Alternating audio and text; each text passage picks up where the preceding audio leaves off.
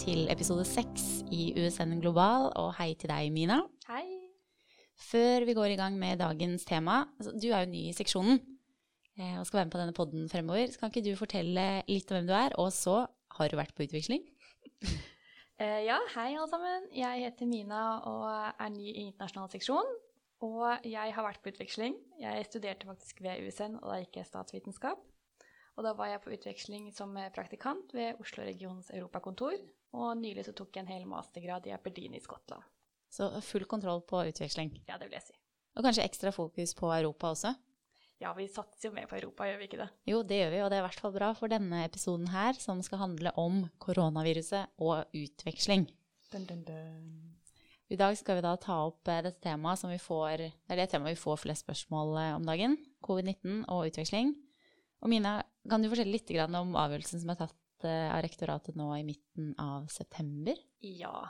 USN har hatt som mål å legge til rette for inn- og utveksling så langt det er mulig og faglig forsvarlig. Så rektoratet har bestemt følgende for våren 2021. Skal kansellere all studentutveksling utenfor Europa. Og kansellere all praksisutveksling for helse- sosialfag og lærerutdanningene. Men det vil da si at vi legger rette til studentutveksling til våre avtalepartnere i Europa. Så dersom du går på et studieprogram hvor du kan ta 30 studiepoeng i fag, altså ikke praksis, til våren, så kan du søke om reise på utveksling til Europa. Det er bra at vi har noen eh, gladnyheter midt oppi alt det som skjer nå. Men det er også et lite, lite, ting man må huske på nå, fordi søknadsfristen er allerede 1. oktober. Så da begynner dere egentlig å få litt dårlig tid hvis dere har lyst til å reise på utveksling våren 2021. Men det som er fint med det, er at eh, vi har en podkast, eh, episode nummer fire av denne podkasten. Der snakker vi om søknadsprosessen.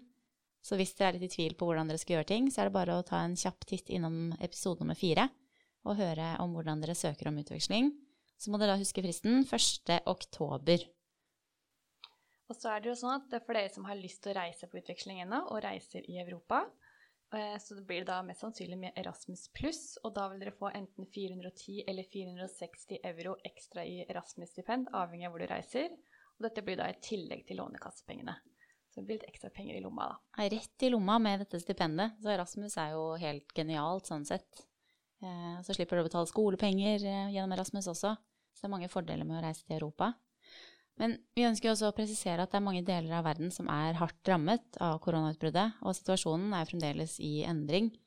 Så vi vurderer situasjonen fortløpende, og så forholder vi oss til informasjonen fra våre partneruniversiteter i utlandet, og også det norske myndigheter sier.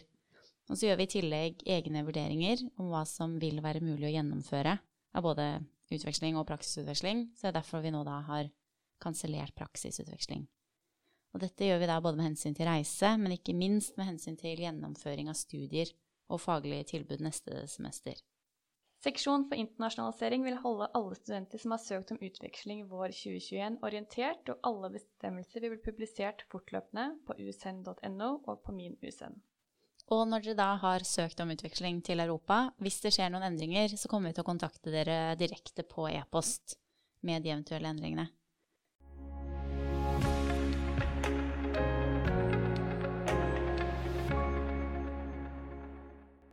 Og så er det også noen av dere som ikke kommer til å få anledning til å reise på utveksling nå pga. koronaviruset. Men da finnes det en uh, egen løsning for dere etter dere er ferdig med studiet. Og det er praksis etter endt utdanning. Og det er en ordning som gjør at dere kan reise på et praksisopphold i Europa. Og da får dere et stipend på mellom 610 og 660 euro i måneden. I tillegg til eventuell lønn eller stipend fra arbeidsgiver. Så her har dere en unik eh, mulighet til å skaffe dere internasjonal erfaring etter studiet. Så igjen, husk søknadsfristen 1.10. Og vi må bare si at vi som har vært på utveksling i Europa, anbefaler det på det sterkeste. Ja, 100% Europa er helt fantastisk. Så løp og søk!